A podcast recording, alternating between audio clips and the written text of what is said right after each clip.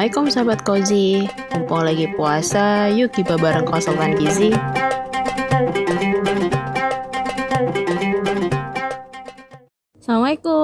hai sahabat Kozi Gibah time. Apaan tuh? Lanjut Mbak Aul.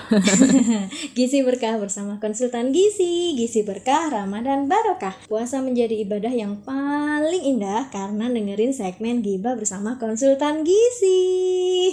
Asik.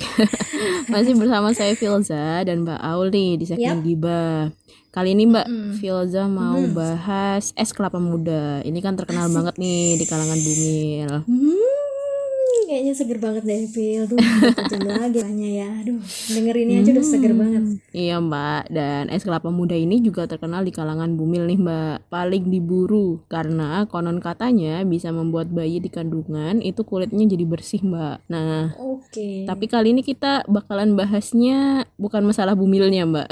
Oke oke, gimana Jadi kita akan bahas gimana kalau es kelapa muda ini dibikin menjadi takjil atau awalan buat buka nih mbak. Kebayang nggak sih mbak Aduh, segernya? Kayak cas gitu ya Tapi bener. Iya tapi bener banget sih Phil Jadi memang es kelapa muda ini em, hits juga ya Dan semoga sahabat. Kalau ini bisa sabar nih dengerin gibah kali ini.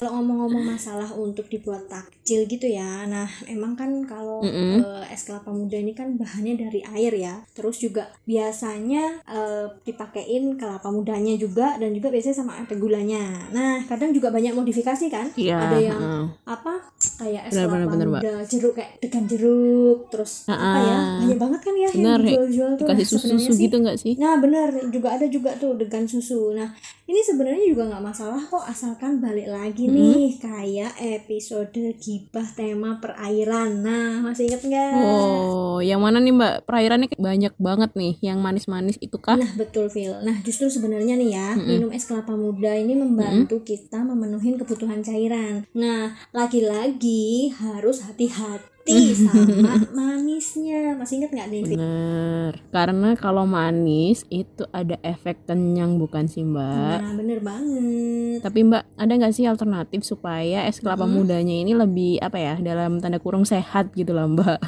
Biar nggak khawatir gitu. sebenarnya kalau misalkan alternatif biar apa ya lebih sehat sebenarnya sih sehat-sehat aja tapi kembali lagi nih sama yang manisnya tadi nah mungkin Filza bisa ganti dengan madu nah kayaknya lebih oke kan dan juga Mm-mm. sebenarnya lebih baik jika es kelapa muda ini dikonsumsi tanpa gula atau pemanis lainnya karena air kelapa Mm-mm. ini mempunyai elektrolit yang berguna banget untuk menggantikan Ah. cairan tubuh kita yang hilang selama puasa nih Phil kalau diminum tanpa gula Ah, atau ah. pemanis lainnya bisa banget jadi takjil atau minuman pembuka pertama saat buka puasa jadi nggak perlu khawatir Oke. nah tapi ini ada tapinya nih kalau pakai pemanis atau tambahan bahan makanan yang lainnya nih misalnya Oke. kan tadi ada tuh jenis kayak degan jeruk ya kan Mm-mm. nah kan biasanya kan dikasihnya perasan jeruk nih nah ini bisa dikonsumsi setelah makan utama nih kayak gitu Wah, ya bener sih Mbak. Jadi bisa ada dua alternatif ya. Yuk. Mau diminum jadi takjil atau minuman pertama saat berbuka bisa tapi tanpa gula atau pemanis. betul Terus kalau es kelapa mudanya udah dimodif nih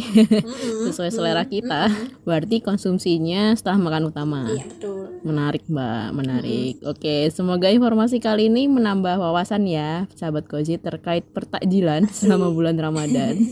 Jangan lupa terus dengerin segmen Gibah, Gizi Berkah Konsultan Gizi, Gizi Berkah Ramadan Barokah. Puasa menjadi ibadah yang paling indah karena dengerin segmen Gibah bersama Konsultan Gizi. Saya Filza dan rekan saya Aulia. Mohon pamit. Salam jiwa mitos dan hoax.